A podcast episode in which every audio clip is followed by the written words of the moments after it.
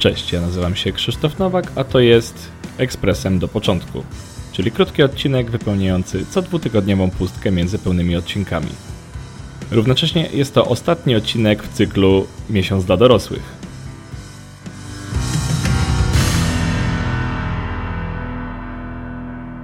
Karton, kwadrat, acid, kwas, a dokładniej dietyloamid kwasu lizergowego, znany też pod jego skrótową nazwą LSD.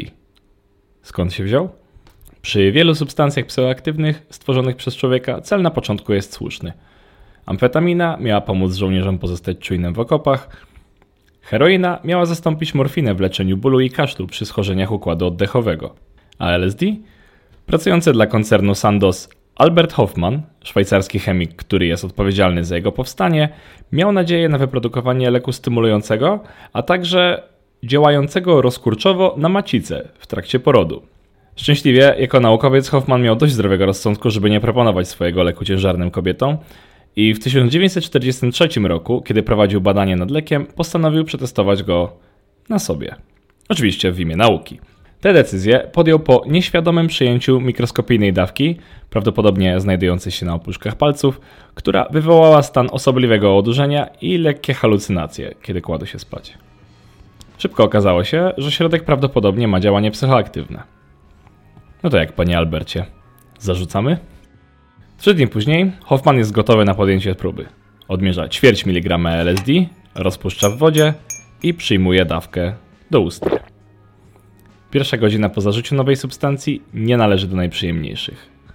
Hoffman jest przekonany, że umiera. Halucynacje są straszne. Pierwszy trip i od razu zły.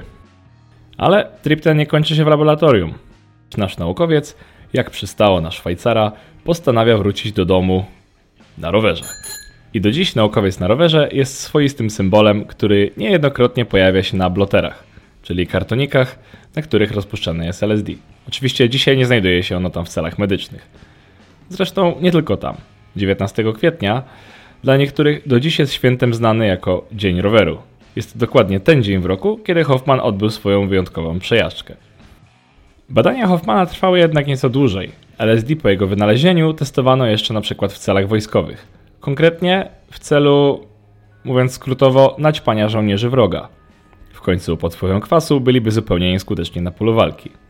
LSD było testowane również przez terapeutów, z różnymi skutkami. Ostatecznie jednak największą popularność zyskało jako narkotyk, a nie lek i końcem lat 60. zostało oczywiście zakazane. Nie muszę chyba mówić, że do dziś jednak LSD ma spore grono entuzjastów, przekonanych, że pozwala rozszerzyć ludzką świadomość. Opinia ta jest popularna oczywiście przede wszystkim pośród artystów, a także psychonautów, czyli osób, które bardzo chętnie eksperymentują z wszystkimi środkami psychoaktywnymi.